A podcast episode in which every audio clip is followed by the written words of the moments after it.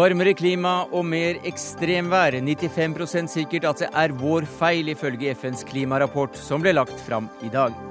Pellegruppa sto for den største skipssabotasjen under verdenskrigen, mens andre tok æren.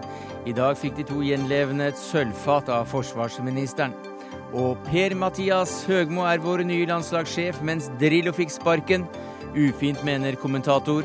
Én filosof byttes ut med en annen, ifølge Jon Michelet.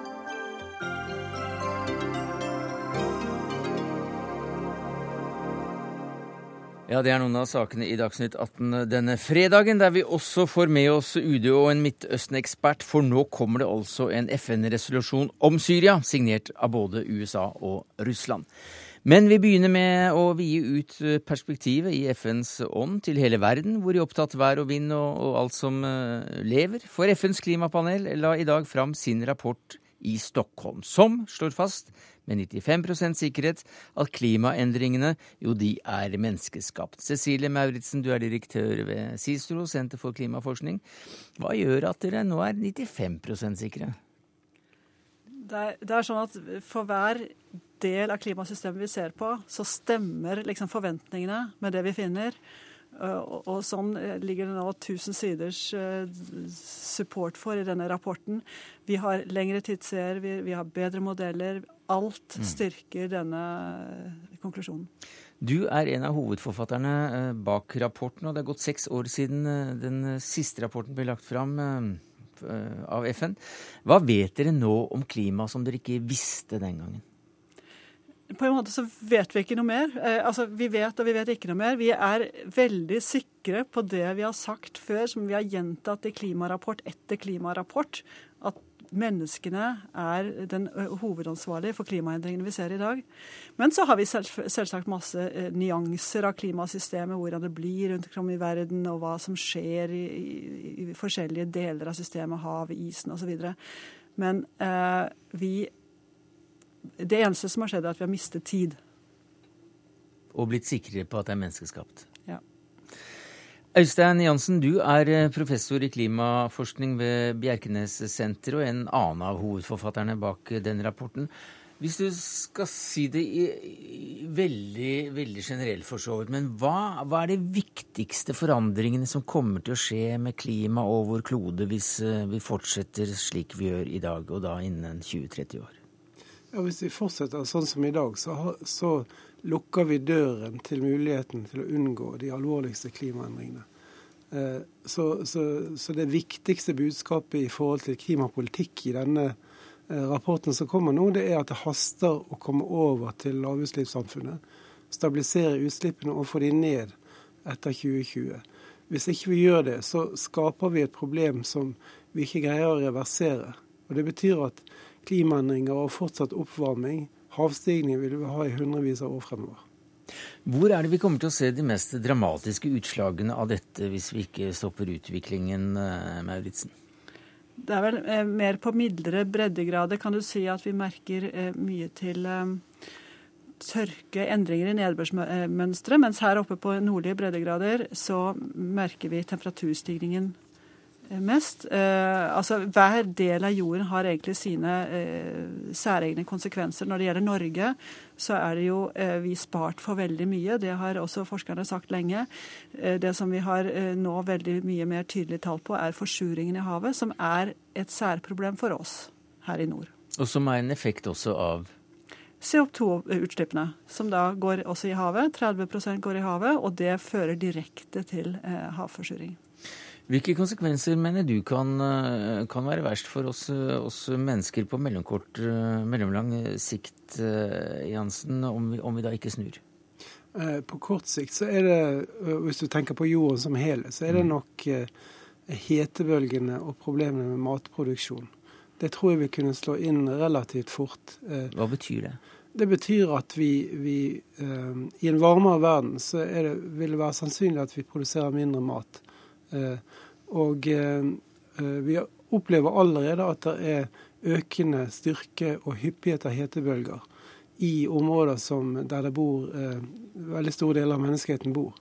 Og, jeg er veldig redd for matvaresikkerheten til store deler av menneskeheten. Og på litt lengre sikt så er det havstigningen og, og, og lavtliggende kystnære strøk, særlig i, i tropene, som jeg tror vil, vil få de verste resultatene. Men eh, nå vet vi altså, ifølge da eh, din medforfatter her, eh, Mauritzen, eh, en, del, en, del, mer fordi man eh, har fått inn flere felt. Så hvor stor del av klimasystemet mener man nå har et menneskeskapt fotavtrykk, så å si? Omtrent alt. Hva altså, betyr det? Det betyr at vi merker eh, menneskeskapte endringer i havet ned til de store havdypet, 700 meter. Eh, har et menneskelig fotavtrykk. Det varmes opp, der er mer varme i havet. Breene smelter. Vi har havforsuringen, som Cecilie nevnte. Eh, vi har eh, eh, mer hyppighet og sterkere ekstrem nedbør i Europa og Nord-Amerika. Det kan tilskrives vår virksomhet. Isen som smelter i Arktis. Vi kan lage en veldig lang liste, og denne rapporten lager en lang liste over alle de fenomenene som vi har lurt på og trodd kanskje hadde med menneskeskapte endringer å gjøre, men som vi nå er sikre på at det har med det å gjøre.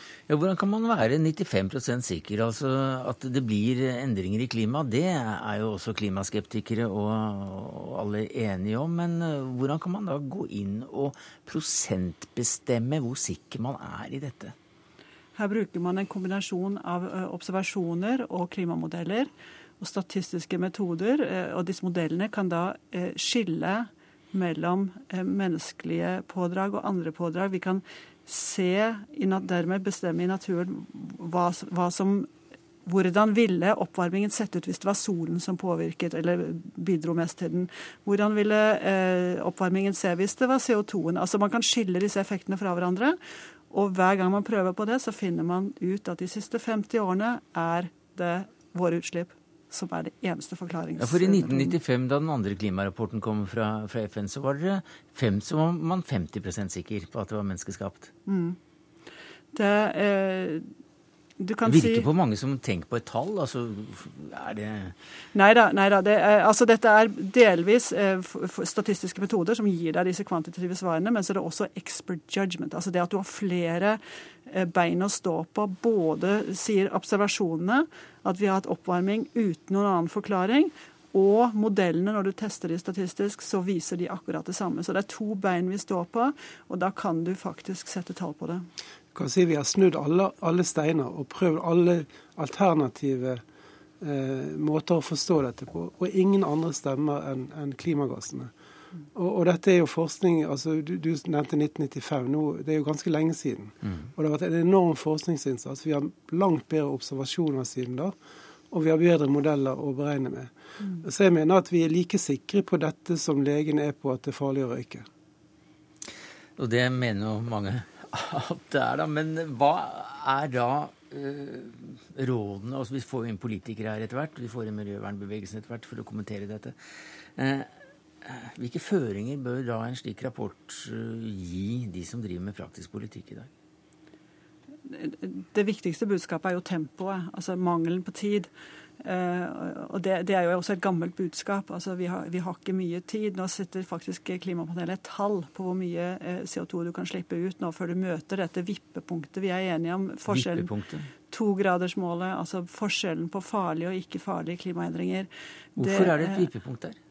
Dette er noe forskerne igjen har definert seg fram til. Altså, FN selv sa i 1992 vi skal sørge for at verden ikke påføres eh, farlige klimaendringer. Og så har man diskutert da i 20 år hva er farlige klimaendringer, men de aller fleste lander på at det ligger en grense der på rundt to grader. Hvorfor det? Da skjer det. Dette sier all erfaring eh, fra tidligere tider, og så, så sier også eh, effektforskning, altså forskning på alle slags deler av systemet, helse, eh, vannressurser, matressurser, som Øystein snakket om, veldig mye mer slår inn når det går over to grader grader. Mm. men du kunne godt sagt 1,8 grader. Eller, altså det er ikke nøyaktig, dette her, men det er en veldig god øh, øh, grense som funker på mange øh, deler av fagfeltet.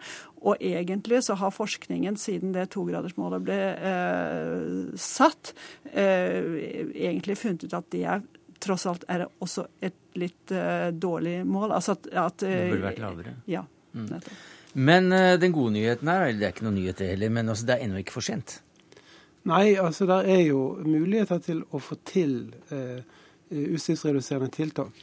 vi må stabilisere CO2-nivået der det er nå veldig raskt. Og, fra 2020 må de globale utslippene gå ned for at vi skal ha en viss mulighet. Og så er det en usikkerhet i, i våre beregninger over fremtiden. Eh, som går fra at, at, klimasystemet ikke er fullt så følsomt for våre utslipp, eller det kan være mer følsomt. Og så kan vi jo ha flaks, at det ligger på den mindre følsomme siden. Da, da har vi litt bedre tid på oss. Men uansett så må vi få til denne overgangen til fornybarsamfunnet og lavutslippssamfunnet. Og, og et av mine poenger er på en måte det moralske eh, imperativet som ligger i denne rapporten. Og det er nemlig det at hvis vi fortsetter som nå, så, så utsetter vi alle kommende generasjoner i mange hundre år for konsekvensen av våre handlinger i dag. Det er nå vi bestemmer oss for hva menneskeheten skal skal eh, møte i mange hundre år fremover i tid i forhold til havstigning og temperaturendringer. Og, og, og, Det er på en måte et ansvar som, som vi må ta inn over oss. For det, det er ganske mye i denne, denne, rapporten som er nytt i forhold til de langsiktige virkningene og tregheten. Har vi først sluppet ut CO2, så vil 20% bli værende i 1000 år. Da vil varmen stå på. Og da vil da vil sakte, men sikkert jorden tilpasse seg det varme klimaet. Og da vil havet stige over hundrevis av år frem i tiden. Og det ansvaret har vi som lever i dag. Vi har ikke med oss noen såkalte klimaskeptikere i dag. De kommer nok eh, innom andre dager. Men det er altså 5% sjanse for at de har rett, da? Ja, men hvis du, gikk, hvis du visste at du var 95% sikker på at enten du var syk eller at noe ville skje, så ville du forsikret deg. Og, og, og, dette er et risikospørsmål. Når det er såpass eh, sikkert som nesten 100 og forskere er, kan knapt være sikrere enn dette, så bør man ta forhåndsanstaltninger og, og gjøre noe med det. Takk skal du ha, Øystein Jansen, professor i klimaforskning ved Bjerknessenteret. Til deg, Cecilie, Mauritzen, direktør ved CICERO Senter for klimaforskning. Ja, det var også eh, forskerne så langt. Nå politikerne. Miljøvernminister Bård Vegar eh, Solhjell, du har eh, i dag da antagelig fått overlevert en dyster klimarapport. Iallfall så fikk du et moralsk imperativ med deg på, på, veien inn. Hvis ikke vi gjør noe nå, så, så er det også en tre, fire, fem, seks og pluss, pluss, pluss generasjoner som må, som må lide under dette. Hvilket bakteppe gir det deg for å Skulle ønske at du kunne ha gjort enda mer. Ja, du skal, hvis, for å si det sånn, det skal nok godt gjøres å finne den regjering i verden som kan påstå man har gjort nok. Fordi eh, problemet er så akutt alvorlig. Og det viktigste budskapet til politikere i dag, det er at nå står vi der at den omlegginga som er nødvendig, den må skje veldig raskt, og den må være veldig sterk. Og hvis jeg får gi kanskje de to viktigste tingene vi må trekke ut av det. Eh, store deler av våre fossile ressurser, kull, olje og gass, må bli liggende under bakken, aldri brennes, hvis vi skal ha sjanse til å nå togradersmålet. Det er norsk politikk til nå?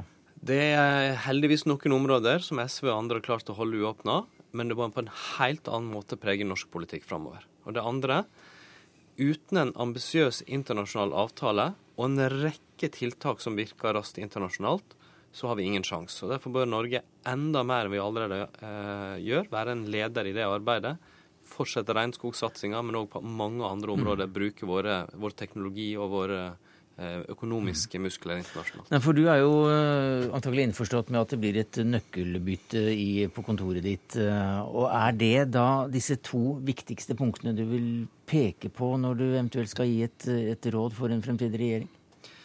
Ja, nå synes jeg nå skal de få lov til å bestemme seg hvilken regjering vi får, og, ja, ja. og hvilken politikk og sånn. Men det, det, er det jeg ville legge igjen. Det er eh, sats enda tyngre internasjonalt. Og ikke minst eh, eh, ta tak i oljespørsmålet i Norge. Vi, vi, vi, kan vise en lederskap der som vil bli lagt merke til over hele verden. Og så ville jeg lagt til et tredje råd, og det er hold Fremskrittspartiet utenfor. Ikke bare Miljøverndepartementet, men òg Finansdepartementet, Oljedepartementet og Samferdselsdepartementet og helst Utenriksdepartementet. Siri Meling, eh, energipolitisk talsperson i eh, Høyre. Hvis vi eh, lar være å gå inn på akkurat om Frp bør være med inn i en regjering, hva sier du til, de rådene som avtroppende sjef for Miljøverndepartementet gir deg? Det er klart eh, at den rapporten som eh, vi har fått eh, framlagt i dag, den understreker jo alvoret i situasjonen. Men jeg opplever jo at vi på borgerlig side har vært og er veldig opptatt av disse spørsmålene, og opptatt av å føre en miljø- og klimapolitikk som mm. virker og som gir resultater. La oljen ligge. Ja, la oljen ligge. Eh, det er klart at vi må over i en mer bærekraftig utvikling. Men eh, er det noe som skal ligge, så er det jo først og fremst kull. Fordi kull vil forurense aller mest. Når det gjelder olje, så, så er jo allerede produksjonen på norsk sokkel fallende. Vi hadde toppårproduksjon i 2001, og siden det så er jo oljeproduksjonen nærmest halvert. Mm, så det er ikke noe vits å gå inn aktivt og gjøre noe for at mer olje blir liggende? Altså, det er klart at eh, Eh, det blir kanskje veldig mye symboler mer enn egentlig gir faktiske resultater. For det er klart at om Norge lar eh, noe av sin olje ligge, så vil andre produsere. Og vi lever i en verden som etterspør energi, og hvor òg fossil energi vil ha en eh, plass i årene framover for å dekke dette behovet. Og så har jeg lyst til å si at det, det er viktig at vi fra norsk side utnytter de mulighetene vi har når det gjelder teknologi, når det gjelder kompetanse, når det gjelder kapital til virkelig å bidra til løsninger innenfor miljøteknologi som kan gi utslippsreduserende tiltak. Jeg er sikker på at det ikke er noe tvil om i noen partier, men det var dette med å la olja ligge. Den gikk altså ikke inn i en eh, eventuelt eh, høyredominert eh, miljøverndepartement, Solheim? Altså, det, det, det, er absolutt nødvendig ja, at vi både i Norge og andre land gjør det. Og det er, også, det er realpolitikk, ikke symbolpolitikk. Vi vet nå at det er ganske godt dokumentert at det vil være et effektivt klimatiltak. For det er ikke sånn at den bare erstattes eh, tønne for, for tønne et annet sted. Eh, og, eller fat for fat. Og, og, det er dessuten sånn at og noen må faktisk gå foran og vise at det er mulig og nødvendig. Det er mm. det som kan òg gjøre at andre land begynner å tenke det samme. Hva sier du til dette, Fredrik Hauge Bellona? Nei, jeg syns det er eh, trist å se en del av den politiske debatten. Eh, det å si at hvis ikke vi pumper opp olja, så gjør noen andre det. Ja, men nå har vi hatt en betydelig velstandsøkning på den oljen vi, og gassen vi har pumpet opp og solgt. Eh, det kan slippe ca. 1000 gigatonn til ut i atmosfæren. I går fant Statoil et funn eh, på svært sårbart område ved Canada. Man jubler i Norge. Mer verdier. Men det er altså en, en kvart til en halv gigatonn med CO2 av de 1000. Eh, hvis vi skal ta en del av de andre prosjektene, Åsta Hansten osv. oppover, ja, da er det slik at min mening er at det er en rekke fattige land som sitter med oljeressurser. De bør ha den velstandsøkningen på å få lov til å pumpe opp den siste oljen, ikke vi den rapporten som kommer i dag, er et meget tungt ansvar for Høyre. De skal legge grunnlaget, og vi har mistet mange år, eh, men de skal lage mm. grunnlaget for en enorm omstilling de neste 37 årene. Jeg har sittet i EUs arbeid og sett på hvordan EU skal bli et lavkarbonsamfunn. De, kjøper, eh, de skal kutte CO2-utslippene 85 det er der vi selger 85% av olje og gassen. Dette blir en helt annen politikk enn hva Siri Meling og de andre i det hele tatt forestiller seg. Meling? Ja, altså Vi er jo ikke uenig i at vi skal over i et lavutslippssamfunn. Der er vi helt på linje med bl.a. Eh, Fredrik Hauge og Bellona. Spørsmålet er hvordan vi skal gjøre det. Og det er klart at eh, vi i Norge produserer miljøvennlig eh, i forhold til utslipp under produksjon. Og så har jeg òg lyst til å si det, hvis jeg kan få snakke ferdig at vi har utviklet gjennom disse 40 årene en oljeteknologiindustri som, som gir et viktig bidrag i forhold til å kunne produsere mer miljøvennlig eh, olje og gass. Men, men også dere i Høyre vet også, at to pluss to blir også, fire, sier Meling. Og den oljen som ryker først ut av det regnskapet her, det er den dyreste oljen å produsere. Det er vi godt i ferd med å få, i hvert fall når vi mm. ser også gassutbyggingsprosjektene nordover nå. Sånn at om ikke dere skjønner det, så kommer verdensøkonomien mm. til å skjønne det. Og vi kommer ikke til å selge denne oljen. Det som jeg tror er et viktig bidrag eh, vi fra norsk side kan gjøre gjennom teknologi, kompetanse og kapital, er jo å få fram teknologi som er kommersiell og som er tilgjengelig for alle land å bruke når det gjelder å rense utslipp. Vi må ta i bruk den teknologien Fordi, vi har nå. Fordi det er jo utslippene som, som, først og fremst er skadelige, og det er utslippene vi, vi må, må mm. evne å ta. Truls Gullovsen, du er leder i Greenpeace eh, Norge. Hva er, din, eh, hva er din utfordring til en fremtidig miljøpolitikk i Norge? Ja, Det er veldig mye godt som har blitt sagt. Vi er nødt til å gjøre noe med internasjonale forhandlinger. Vi er nødt til å gjøre noe med olja. Olja må ligge. Norge kan ikke, som sier i meldingen heter, bare kjøre på mens vi andre, tror at alle andre skal løse problemet. Det er også farlig for Norge og norsk økonomi å bli altfor oljeavhengig. Vi er det allerede i dag. Den rød-grønne regjeringa har dessverre ikke klart å styre satsingen bort fra olje og gass. Vi blir blitt mer og mer oljeavhengige, og det gjør at de fornybare næringene sliter mer i Norge enn i andre land. Vi er i ferd med å bli Kodak-landet som sitter og ser på oljetønna, mens resten av verden går, følger Tyskland i energivende, som er en revolusjon, hvor norsk næringsliv har masse muligheter til å følge på og finne store, viktige fornybare markeder, men hvor man ikke er i stand til å levere i dag. Så jeg skulle ønske at Siri Meling kan lytte litt til det som klimaforskerne sier, innse at olje og gass må ligge, også norsk, og se de fantastiske mulighetene for fortsatt virksomhet i Norge med å satse på de fornybare næringene. For der går toget også nå. Klimatoget er i ferd med å gå. Vi har et bitte lite vindu. Men også det store fornybare energiteknologitoget det går, og Norge står på stasjonen. Det er klart det blir en del kjør mot eh, et parti som eh, ganske med sikkerhet eh, blir et regjeringsparti, og det er jo ditt parti, Siri Meling. Men Fredrik Hauge, som leder av Bellona, så, så, har vi registrert at du mener at disse åtte årene ikke har bidratt til noe særlig kuvending når det gjelder akkurat klimapolitikken her i landet? Nei, De utslippskuttene vi har fått til, bl.a. i prosessindustrien og eh, stabiliseringen på transportsektoren, har jo blitt spist opp av en voldsom satsing på olje. Eh, enda mer bekymringsfullt er lagt noen føringer på oljevirksomhet som eh, binder kapital for lang tid framover, og som gjør denne snuoperasjonen enda vanskeligere. Jeg tror vi må innse, og, og, og det er viktig for meg å si, at ved siden av å bekjempe klima, så skal vi også bekjempe fattigdom i denne verden. Og Det gjør at verden må forandre sin måte å produsere energi på. Det betyr at vi ikke kan ha kapital- og materialintensiv energiproduksjon på den måten vi ser i den vestlige verden i dag, men at vi må se på hvordan vi kan sysselsette eh, folk i utviklingsland, slik at de får en velferdsøkning. Og det er tross alt mye bedre at de eh, dyrker alger enn at de bærer rundt på Kalasjnikov fordi de ikke har noe levestandard, og fordi at det er de klimakonsekvensene rammer hardest. Mm. Men tilbake igjen til, til, det som da er gjort de, de, siste åtte årene. Eh, hvilken karakter vil du gi regjeringen og Miljøverndepartementet for, eh, for deres, deres, klimapolitikk? Nei, jeg er ikke fornøyd, og jeg mener det er åtte tapte år. Eh, veien til helvete er brolagt med gode intensjoner. Eh, men her har det vært mest med intensjonen. Jeg må si at styringen av Olje- og energidepartementet i lang tid har vært en katastrofe. Jeg syns det er påtakelig at Stoltenberg ikke nevnte klima i siste landsmøtetale. Og vi har altså ikke maktet å industrialisere de løsningene vi skal. Vi har en enorm mulighet fordi det skal produseres masse aluminium til alle solcellepanelene. Vi har en enorm mulighet fordi at vi har oljefondet, eh, som bokstavelig talt er et oljefond.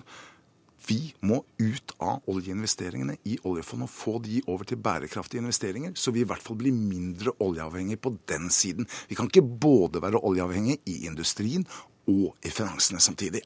Hva sier du til dette, Meling? Jeg vil si at eh, Med bakgrunn i alvoret denne rapporten òg eh, understreker, så er det viktig at vi beveger oss vekk fra symbolsnakk og over på tiltak som gir faktiske resultater. Men er dette, er dette symbolisk? Er dette symbolsnakk? Det er provoserende å høre den holdningen, Siri Meling. Jeg mener at eh, her må vi kunne ha flere tanker i hodet samtidig. For det, det, første, så, for det første så er det viktig at vi nå fram mot eh, klimakonferansen i 2015 jobber konstruktivt internasjonalt, fordi vi er helt avhengig av å få globale avtaler på dette globale problemet. Så er det viktig at vi følger opp bl.a. klimaforliket her nasjonalt. Og sørge for å jobbe videre.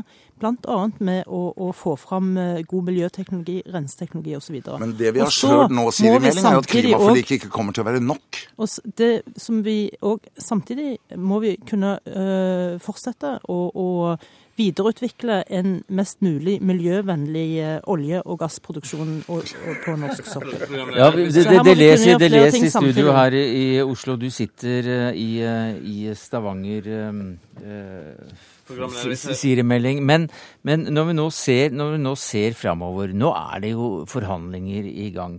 Eh, hvor viktig er det at Høyre selv får, får miljøvernministeren? Den, den, den, tidligere miljøvernministeren fra Høyre ble jo veldig populær også i, eh, i organisasjonen man ikke skulle tro. Ja, det er riktig. Men eh, jeg håper på forståelse for at jeg ikke kan kommentere verken si, sonderingene som pågår, eller det som måtte bli resultatet, og hvem som skal, skal sitte i regjering. Men, men, det jeg kan si, er at eh, partiene i opposisjon har vist at de har store ambisjoner og vilje til tiltak som gir resultater innenfor mm. Eh, klima og miljø. Og Vi kan altså nå sitte og, og høre akkurat fra Stavanger Siri Meling si dette, og muligens da som uh, i dag energipolitisk talsperson i Høyre bli den neste ministeren som du må overlate nøklene til, Sol. Da skal vi få et lykke til med på veien. Men, men hvis vi la oss gi et realistisk bilde av hvor vi står. Norske utslipp er på vei ned, men på langt nær i raskt nok tempo. Så det vil være behov for langt flere tiltak i neste periode. Norge er gjenvunnet rollen som leder internasjonalt, men vi må gjøre enda mer med det. Men det store spørsmålet som gjenstår å ta tak i for oss og mange land i verden, det er den oljedebatten som preger første delen av det vi er her inne i. Mm. Og det er mer akutt nå enn det hadde vært for 10-20 år siden fordi vi ikke har brukt eh, det mulighetsrommet i, i verden. Verdens utslipp fortsetter å gå opp, selv om Norge har klart å snu utviklinga de siste årene. Takk skal eh, du ha, Bård Vegar Solhjell, miljøvernminister, Truls Gullåsen, leder i Greenpeace Norge, Fredrik Hauge, leder i Bellona, og deg i eh, Stavanger Siri-melding, som fikk tre mot én-situasjon der, energipolitisk talsperson i Høyre.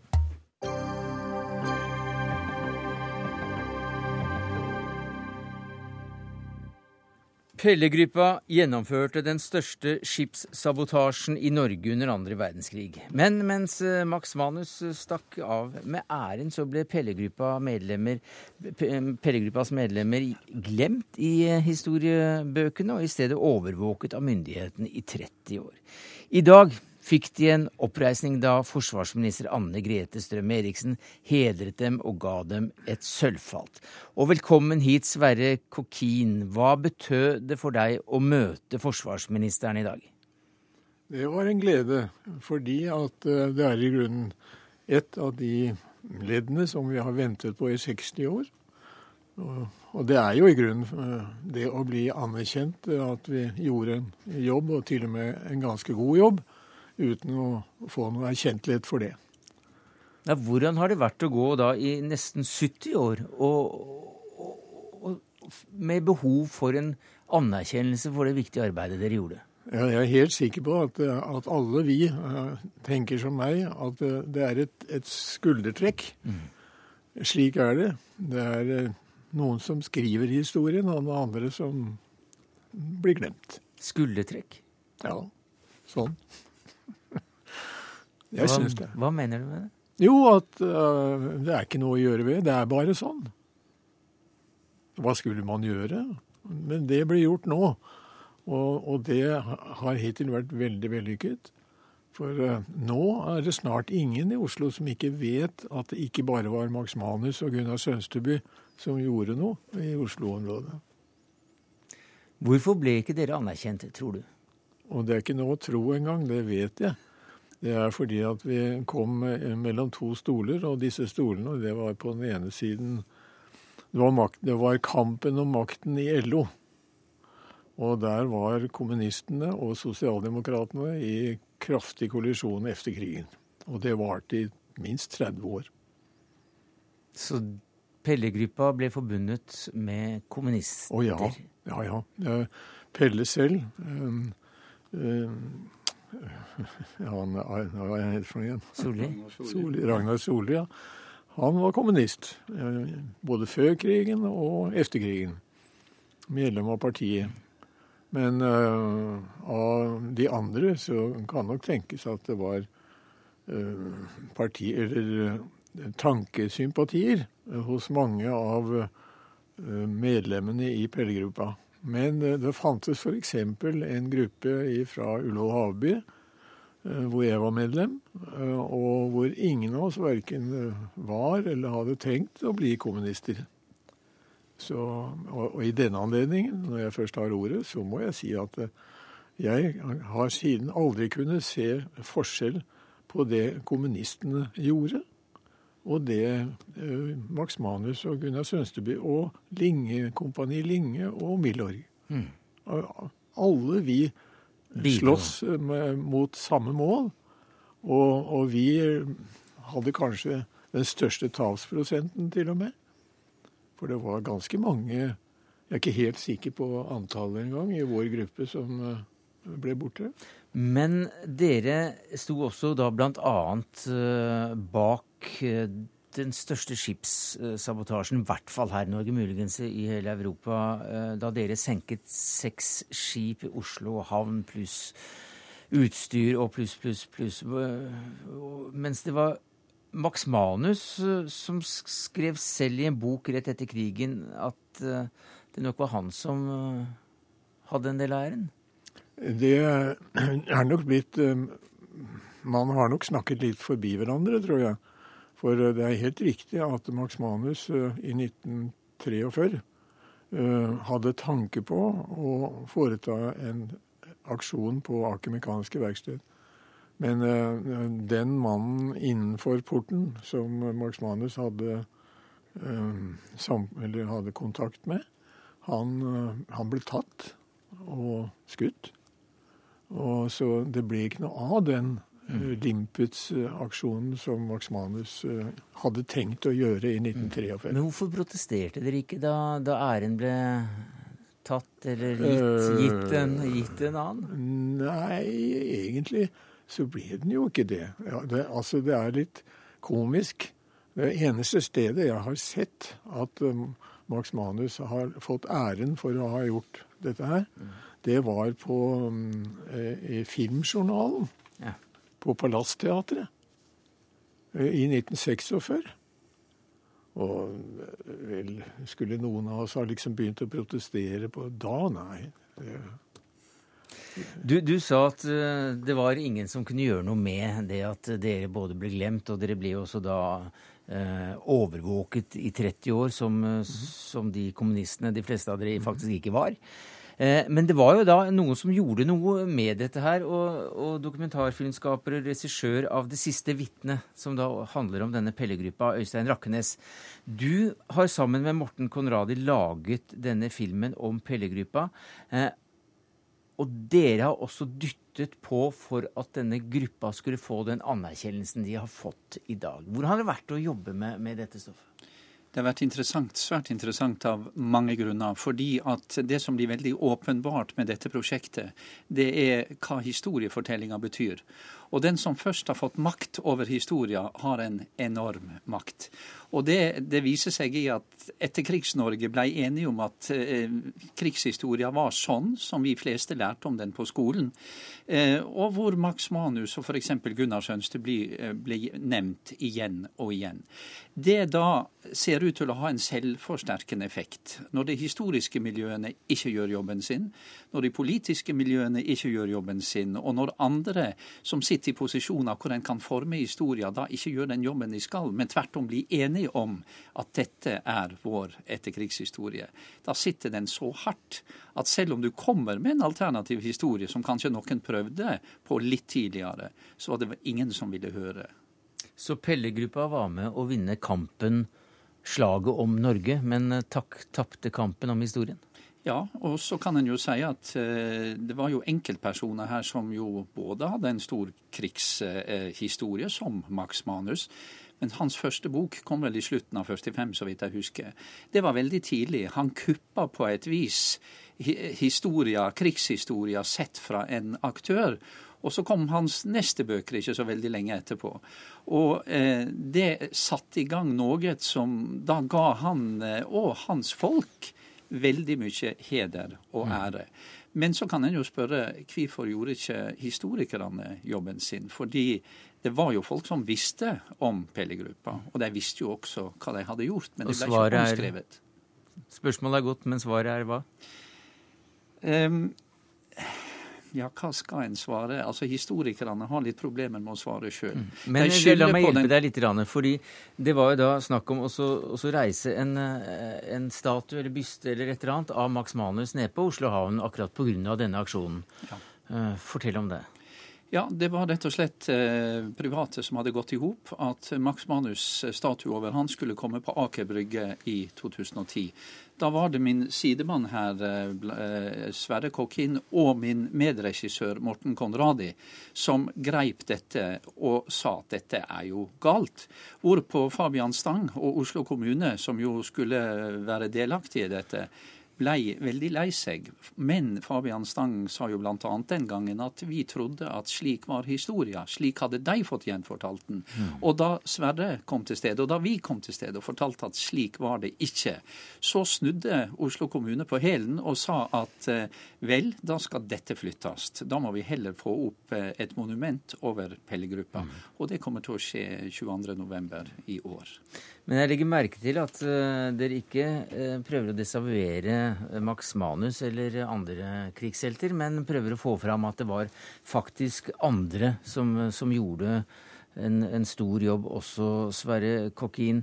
Og hvordan tror du at livet til dere i Pellegruppa hadde blitt, livene deres hadde blitt, hvis dere hadde fått den anerkjennelsen som, som da i dag mange mener at dere burde få? Ville det blitt et annet liv?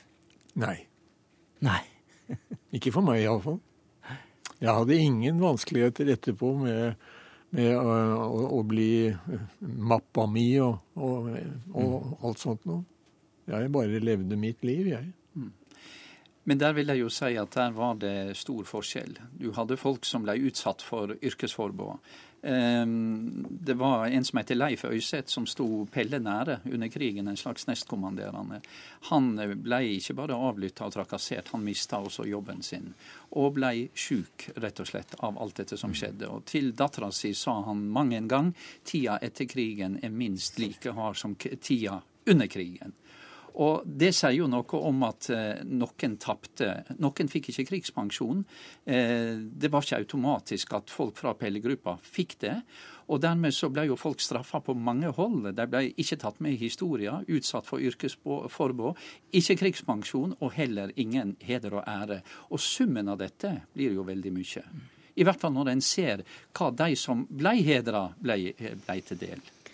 Sverre Kokkin, eh, jeg har forstått det slik at du, du, snakker ugjerne om akkurat hva du var med på, og de, disse heltedådene som det jo, jo, faktisk var. Men du sa tidligere i, eh, når du kom inn her, at, eh, at dette som har skjedd i dag, at dere fikk et sølvfat og, og, gode ord av forsvarsministeren, det har betydd mye for, for dere. Men hvem er dere i dag?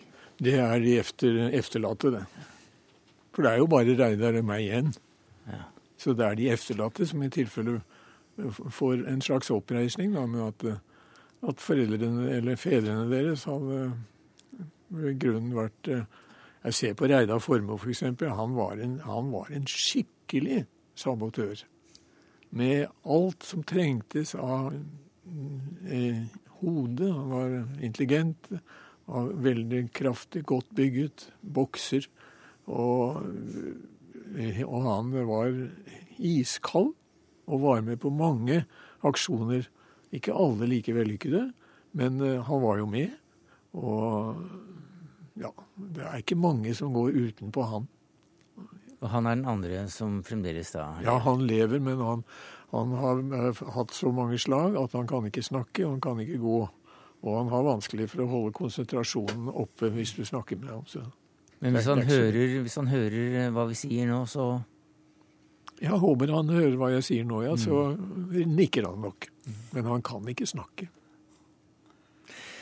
Men det er vi fryktelig glad for at eh, det er flere her som, eh, som, kan, og at dere tok dere turen hit. Og igjen gratulerer med dagen. Vi inviterte både forsvarssjefen og, og departementet, vi, men de takket nei. Men mer om Pellegruppa søndag 13.10. Da viser vi igjen filmen 'Det siste vitnet' på NRK1 klokka 21.05. Takk skal du ha, Øystein Rakkenes, filmskaper, og takk skal du ha, Sverre Kokkin, nå anerkjent sabotør i Pellegruppa og krigshelt. Hør Dagsnytt 18 når du vil, på nettradio eller som podkast. nrk.no – dagsnytt 18.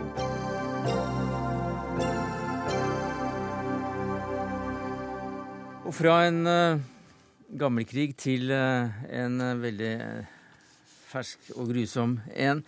Sikkerhetsrådet er nå i ferd med å stemme for en FN-resolusjon om Syria. Og hvem hadde vel trodd det for to-tre uker siden, statssekretær i UD Torgeir Larsen? Nei, det var få som trodde det var mulig i forhold til kjemivåpen. Det var en del land, deriblant Norge, som insisterte på at det måtte prøves. Eh, fordi konsekvensen av at eh, det øverste organet i verden, Sikkerhetsrådet, ikke tok alvorlig eller var i stand til å ta ansvar i forhold til bruk av kjemivåpen, som alle Sikkerhetsrådets medlemmer har forpliktet seg til ikke bare å ikke bruke, men også å bidra til at ikke andre mm. bruker. Nå eh, er det i ferd med å skje. Dvs. Si det er enighet om en resolusjon. Det er enighet om eh, at eh, FN-makt, altså kapittel 7 under, under charteret, eh, kan brukes dersom det ikke følges opp i forhold til innlevering eh, av kjemivåpen. Det, ja, det, det, betyr militære aksjoner, ikke sant? Denne paragraf eller eh, del 7 av dette. Det, det, gjør det. Så i forhold til eh, bruk av kjemiske våpen, eh, så er nå verden samlet eh, bak kravene. Og det er brukt kjemiske våpen i Syria. og det er det er bra. Hvorfor er dette så viktig? Det er viktig av flere hensyn. Eh, det første det er at eh, autoriteten og legitimiteten til eh, verdens øverste organ, Sikkerhetsrådet, det at verden er i stand til å reagere samlet når masseødeleggelsesvåpen brukes som kjemiske våpen. Det andre det er at effekten også for Syria det at det har, det har altså, i seg selv at man ikke er i stand til å reagere når kjemiske våpen brukes. Eh, det andre er at det skjer i Syria, hvor det er full splittelse. Eh, og da blir på en måte splittelsen om Syria eh, får lov til å forurense ikke bare Syria, som har forurenset lenge, men altså hele den globale rettsorden, kan du si, i forhold til mm. masseløsvåpen. Men allikevel, Kak Vermes, du er prosjektkoordinator eh, ved Senter for islam og Midtøsten-studier ved Universitetet i Oslo. Så er det noen som da mener at denne resolusjonen mot kjemiske våpen i Syria det er et slags blindspor. Hva er begrunnelsen for det? Altså, det er jo, som, eh, som, det ble sagt her, viktig å få kontroll på disse kjemiske våpnene. Men vi må jo huske på at det, denne resolusjonen handler jo ikke om den underliggende konflikten her i Syria. Det handler jo ikke om dette regimet. Det handler jo heller ikke om å få i gang en overgangsprosess.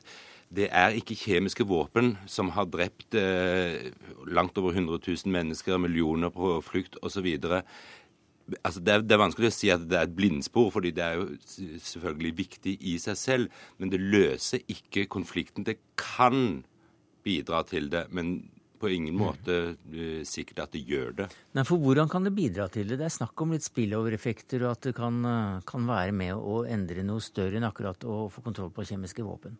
Det er helt riktig at uh, denne enheten ikke berører krisa som sådan i, i Syria. Men det er bare delvis riktig.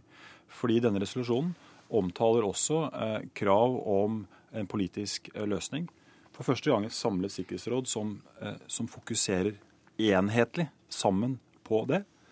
Eh, og det at Sikkerhetsrådet er samla, Russland, USA har fremarbeidet denne eh, altså prosessen som fører fram til denne resolusjonen, gjør at det åpnes et vindu for en samlet uh, verden i forhold til flere problemstillinger. Det gjenstår å se. Men vi er i hvert fall et sted vi ikke har vært tidligere. Mm. nemlig At Sikkerhetsrådet forholder seg til Syria sammen. Jo, det, det, er riktig det, men det er mange fallgruver og hindringer på veien her. Fordi det, det er som sagt bare en del av, av, av bildet, hvis vi kan si det slik. Vi må huske på at Russland, som man jo er selvfølgelig avhengig av for å få en uttalelse fra Sikkerhetsrådet, hele tiden har gått veldig langt, enn ikke si, sagt seg fullstendig enig med regimet sin argumentasjon om at denne krigen dette er en krig mot terror. Og man har gitt full støtte til det regi syriske regimet i denne krigen. Og Hvis det da skal fortsette nå, så er man like langt unna en løsning på denne konflikten. Og dette blir bare alvorligere, altså mm. bokstavelig talt fra hver, for hver dag som går. Vi må tenke på at Libanon, nabolandet som lever i en relativt skjør fred etter hvert, de har altså fått 1,5 millioner syrere i fange. 750 000 av disse registrerte flyktninger her snakker vi om et land som er i ferd med å fullstendig mm. kollapse som et følge av denne konflikten. Så dette er veldig alvorlig. Og da har vi ikke engang snakket om selve Syria, som jo er i ferd med å bli fullstendig mm. ødelagt. Men det som skjer i FN i dag, det er, det er, da, det er, det er altså ikke et bindespor. Det er en liten gledelig nyhet at et sikkerhetsråd gjør sin første restitusjon om Syria? Ja, Det er jo klart at det, det er en gledelig nyhet at man får kontroll på disse kjemiske våpnene. Jeg holdt på å si Det skulle da bare mangle. Mm. Altså, Dette er jo våpen som er forbudt internasjonalt totalt eh, og overalt. Så det er jo klart, det skulle jo bare mangle. Men jeg tror nok det er grunn til eh, å, å, å helle, helle, litt kaldt vann i blodet når man skal se på det, det her uh, fremover. Fordi det er ingen automatikk i at dette vil føre mm. til en politisk prosess. Nei, det er ingen automatikk i det, men det er flere forskere som, som også peker på at det kan, og det er vel det også UD håper på, at det kan føre f.eks. til at det blir uh, en, en, et ny giv i forsøkene på å få i stand en fredskonferanse, et Genéve 2, eller hva man kaller det? Altså, vi har alle vært uh, fortvilt over den totale mangelen på evnen til å ta ansvar blant Sikkerhetsrådets medlemmer. Splittelsen. Uh, det at det nå er enighet om kjemispørsmålet, som er alvorlig i seg selv, altså tusener av mennesker er truet uh, av det. Veldig mange er, er drept i et, altså et angrep med kjemiske våpen. Det at det eh, nå løses ikke gjennom et eh, angrep med begrensa eh, legitimitet internasjonalt, men faktisk ved at verdenssamfunnet gjør det de har forpliktet seg til og stiller seg bak, og åpner da for en mulighet. Det gjør ikke at det humanitære dramaet på bakken, krigsdramaet på bakken i Syria, løses. Mm. Men vi er allikevel et sted som er nærmere et håp, og det er en stund siden vi har vært der. Ja, nettopp. Men nå peker jeg stadig vekk på, på eventuelt muligheten for å komme fram til en, at parter møtes eller blir en fredskonferanse, et Genéve 2, som da flere peker på at muligens dette, denne enigheten i Sikkerhetsrådet kan føre til. Ja, det er det ene. Altså det politiske sporet. Mm. Som, som, trengs Altså det trengs et uh, internasjonalt samlet press mot uh, alle parter her for å tvinge det fram. Det er det ene. Men det er også et annet område, og det er det humanitære dramaet. Det har heller ikke vært mulig å samle Sikkerhetsrådet og samtlige medlemmer i FN bak et felles trykk på krav til alle partene om grunnleggende respekt for humanitærrett osv. osv. Og nå kan man det? Nå åpnes det rommet for å utforske det, i det minste. Og så er det en pisk også, nemlig denne paragraf 7, som sier at man kan bruke makt hvis man bryter osv. osv. Men her har jeg også forstått at det er ikke noe automatikk i dette, for det, det må en ny FN-resolusjon til som uh, Russland kan stoppe. I aller høyeste grad, altså. Men her åpnes det for eh, maktbruk dersom syrisk regime ikke etterfølger eh, de krav når det gjelder innlevering av våpen, og dersom det blir nye angrep fra hvilken som helst part i Syria. Eh, og i kveld klokken ti eh, norsk tid eh, så fastsettes da altså prosedyren for hvordan innsamlingen, innleveringen eh, av kjemiske våpen som regimet besitter, i eh, denne kjemivåpenkonvensjonen i, i Haag, eh, hvor Norge er eh, medlem i eksekutivkomiteen. Og så ruller det derifra. Og, og det er en, en situasjon som som veldig få trodde vi ville være i mm. for, for, få for, få uker siden. Og jeg vet at UD jo har altfor mye beskjedenhet til å si dette i klartekst, men det var altså Norge og nordiske utenriksministre som kom fram til et eller annet skriv som tilfløt en russisk utenriksminister om hør her, se i hvert fall på kjemiske våpen. Prøv nå å gjøre noe med det, i alle fall. Det, det, er riktig. Fra nordisk side så har vi lenge vært Altså vi er de statene vi er. Folkeretten, FN, betyr noe utover det vanlige for småstater som de nordiske. Vi var helt tidlig, sammen med de baltiske, ute og pekte på konsekvensen av mm. at Sikkerhetsrådet ikke var i stand til å reagere. Og at Russland på det tidspunktet, som lente seg tilbake og ikke tok ansvar, kreativitet. Eh, der eh, kom da de nordiske og de baltiske sammen. Eh, de hadde en uttalelse. Det ble på vegne av alle disse snakket med den russiske utenriksministeren. Dette lå, ble diskutert når Obama var i, Stockholm. Jeg skal ikke si at dette førte til det som fulgte. Men, vi, har, var med? Vi var i hvert fall med. Og det som nå skjer, er helt i tråd med det den type stater som mm. Norge er, står for. Kverme, eh, hva håper du vil skje nå? Altså, Jeg håper først og fremst at man kommer i gang med eh, en politisk prosess som kan føre til en løsning av, av denne konflikten.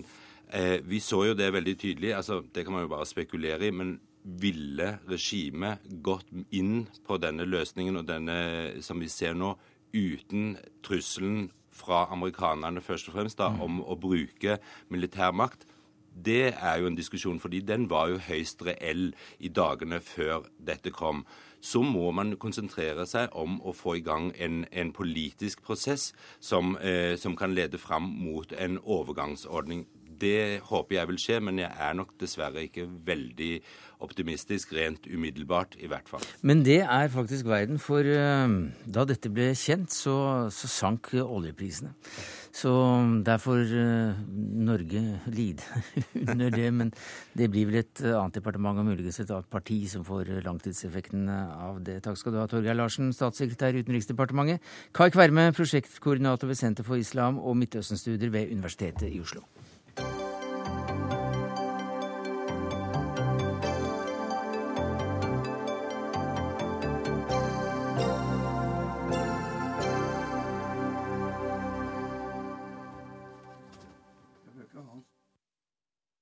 Det er vel bare én jobb i, uh, i, Skandinavia som skulle få meg til å forlate Djurgården, som jeg virkelig har fått stor kjærlighet til i, uh, i Stockholm, og det er som sjef for det norske landslaget. I dag ble det klart at Per-Mathias Høgmo er ny landslagstrener. Egil Roger Olsen fikk sparken. Jeg ble overraska over tidspunktet i går. Og... Men jeg ser ikke den store dramatikken i, i dette her. Kommentator i Dagbladet Morten Pedersen, du var der på pressekonferansen. Ikke noe dramatikk i dette, sier Drillo. Er det ikke det i det hele tatt? Jo, litt. For at det er faktisk veldig uventa, veldig overraskende og nesten litt sjokkerende at uh, Norges desidert beste landslagstrener gjennom tidene får uh, sparken to kamper før han egentlig skal fratre. Det sies at det er fordi eh, Norges Fotballforbund klamrer seg til det lille halmstrået som er der, at vi har en mulighet til å komme til Brasil. Eh, de tror eh, og håper at Per-Mathias Høgmo skal trylle. Jeg tror ikke han er i stand til det, for det er ikke flere kaniner igjen i den hatten. Vi ligger langt nede på den tabellen. Så det er meget usannsynlig at det er noen muligheter. Og Derfor har jeg brukt ordet ufint.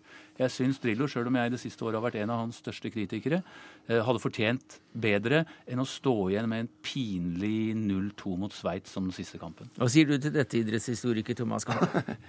ja, det er ikke overraskende at Bjørn-Mathias ble ansatt. Fordi etter hvert så var det bare én kandidat igjen. Ole Gunnar Solskjær ville være klubbtrener i Molde. Solbakken gikk til København. Og Rekdal han gjorde seg vel uspiselig gjennom når det ble nylig avslørt at han har samarbeidet med utenlandske spilleselskaper. Og Da var det én mann igjen. Og så var det Djurgården som forserte frem eh, tiden.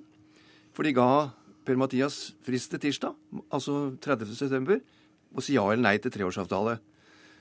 Og da var det like greit. Men jeg er enig med Morten. Eh, det kom veldig overraskende at de ga Drillo sparken. Du, La oss bare bruke 20 sekunder til på Drillo, for nå må vi se framover. Men ja. som idrettshistoriker, hvor vil du plassere Olsen? Ja, Det er to store trenere i norsk fotball. Det er Drillo på landslagssiden og Nils Arne Eggen på klubbsiden. De står alene på topp. Så da, hvem er denne Høgmo? Ja, han blir 54 år. Han er fra Grathangen oppe i Troms. Og har trent Dette kan jo Morten, eh, Morten like godt fortelle om. Ja, for du er, ikke, du er historiker. Men du- jo, jo, du- men ja. han kan jo alle disse. Han han har jo fulgt den i alle dem. Han har, spilt, han har trent Tromsø, Moss, han har trent Trom, eh, Rosenborg, han har trent eh, kvinnelandslaget, U-landslaget. Det er en veldig erfaren, veldig dyktig fyr. Han er et eh, trygt og sikkert og godt valg. Eh, hadde vi vært på Youngstorget, så hadde vi sagt at han har partiboka i orden. Han har vært på Ullevål stadion lenge. Han har vært eh, kvinnelandslagstrener, han har vært U21-trener, han har vært toppfotballsjef. Så han har en fartstid i Norges Fotballforbund. Og det har flere, eller de som var og ønska Ole Gunnar Solskjær som norsk landslagstrener for å få den naturlige optimismen og stemningen i folket og blant våre neste menn. De eh, bruker og kan bruke det mot eh, Per-Mathias Høgmo. Det vil også bli hans utfordring. Han har mye mer å bevise, selv om han står fjellstøtt som fotballmann. Men fordi han akkurat er så trygg og god og har vært der før, så kan det bli brukt mot ham. Eh, Jon Michelet, du har skrevet flere fotballbøker. Hvordan vil du kar karakterisere disse to som nå bytter plass? Synd for Drillo at han måtte gå på den måten, men han har- har allikevel en legendestatus i norsk fotball som ingen tror jeg kan eh, gjøre maken til. Vi får se hva Per-Mathias greier. Han eh, må nok vende blikket vekk fra eh, VM-kvaliken, tror jeg, og sikte på EM og, og neste VM. Jeg håper han har et så langsiktig perspektiv. Han er som Drillo, han er naturalisert østfolding og nabo av meg her ute på Østfoldkysten. Han er en filosof. Han har skrevet om mental trening. Han, eh, jeg var redd da han gikk på en bulk i Rosenborg at vi skulle miste han til næringslivet. Jeg tror jeg har alle med meg når jeg ønsker eh, Per-Mathias hjertelig velkommen og, og all mulig lykke til. For du har sagt at vi bytter ut en filosof med en annen. Ja, vi gjør jo det. Drillo hadde sin filosofi som ga oss eh, to VM-deltakelser og en triumf over Brasil. Eh, Per-Mathias er nok uh, mer på det mentale, ledelsesfilosofiske. Eh, det kan jo være en fare at han av og til svever litt høyt over vannet, men i Djurgården så har han jo vist at han er på en stigende bølge som trener. Ja, der kaller de han jo for eh, Hva er det? Eh, Messias Høgmo? Per Messias. Ja. Men, men Skanke, eh, hva blir da den store forskjellen? Hvordan kommer vi til å se et, et fotavtrykk på landslaget når, når Høgmo tar over? Ja, det, er han er vel litt mer Skal vi si Tenker litt mer offensiv fotball. Men det, det fundamentale, altså forsvarsorganiseringen, hele systemet til Drillo, det ligger i bånn. Fordi Per-Mathias har gått Drillo-skolen. Så det er ikke så store ting. men altså... Lange baller framover, blir det mer av det? Nei, det blir nok mer spill. Jeg vet ikke, Morten kan vel si det. men eh, Gjennom midtbanen. Men altså, Per-Mathias er mer fleksibel. Han er mer fremtidsrettet. Og er ikke fremmed fra nye impulser. Nei, også han, øh, han får spillere til å lese dikt. Ja, og Drillo har fått spillere til å gjøre mye rarere ting enn det. Eh, men det Vet vi hvilket dikt? Er det Nei, det, han, eh, han bruker alltid Opp med det- hodet, du raske gutt? Nei, men han bruker det Jesse James uh, sa før OL i Berlin i, i 1936, at det nytter for de små og fattige. Altså, du trenger ikke bare å være stor og ha mye penger for å lykkes. Og Det er noe av P. Mathias mantra, og det sa han også i dag. Derfor er han overbevist om at Norge, som er en liten fotballnasjon i det store bildet, kan lykkes. Eh, og jeg òg tror han kommer til å lykkes ganske fort.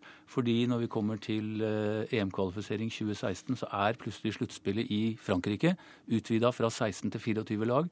Det betyr at halvpart, nesten halvparten av Europas fotballag eller nasjoner skal til EM-sluttspillet. Siste medlemslandet som kommer nå, er Gibraltar. Så eh, vi, vi, vi ligger bedre an enn noen gang. Så sånn sett så er det veldig veldig bra timing for Per-Mathias Høgmo å komme inn. Og det tror jeg altså vi får se. Gibraltar skal vi slå. ja, vi skal slå mange. Men når det gjelder dikt, så er det ikke, det er ikke Per-Mathias som leser. Han sørger for at en, en ny spiller hver morgen på treninga leser et dikt han selv har funnet ut. Som han selv har skrevet òg? Nei, nei, han har funnet det, hentet et sitat. Og det jeg bare håper at det ikke er Brede Hangeland som skal lese dikt eh, på kampdagen. Og så, jo, for finneren fra Prøysen, du skal få en dag i morgen. Så taper de jo kampen. Men Jeg får håpe at eh, Per-Mathias Sørmo ikke lar Gustav måtte lese romaner av meg. For da får de aldri respekt. Men, eh, kamp da, men en viss, ja. en viss optimisme nå? Ja, jeg syns det, var- det var den eneste løsningen. Og nå må vi se fremover.